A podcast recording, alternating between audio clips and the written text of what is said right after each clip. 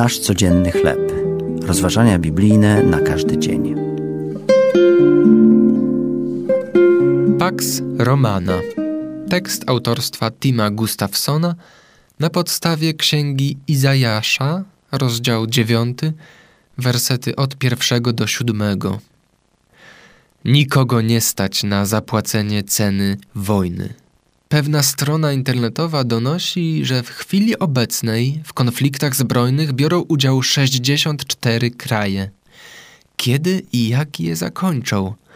Pragniemy pokoju, lecz nie kosztem sprawiedliwości. Jezus urodził się w czasach pokoju, który pojawił się jednak kosztem wielkiego ucisku. Pax Romana, pokój rzymski, pojawił się tylko dlatego, że Rzym zdławił wszelką opozycję. Kilka wieków przed okresem relatywnego pokoju wrogie armie przygotowywały się do inwazji na Jerozolimę. W cieniu wojny Bóg wypowiedział niezwykłe słowa. Nad mieszkańcami krainy mroków zabłyśnie światłość, oświadczył prorok. Albowiem dziecię narodziło się nam, potężna będzie władza i pokój bez końca. Ewangelista Mateusz mówi nam, że proroctwo Izajasza spełniło się w dzieciątku Jezus. Oddajemy cześć małemu niemowlęciu w żłobku.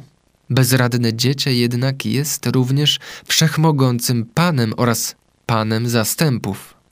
Pewnego dnia będzie panowało na tronie Dawida i w jego królestwie, gdyż utrwali ją i oprze na prawie i sprawiedliwości. Takie rządy nie będą przypominać ucisku Pax Romana. Będzie to władza księcia pokoju. To były rozważania biblijne na każdy dzień. Nasz codzienny chleb.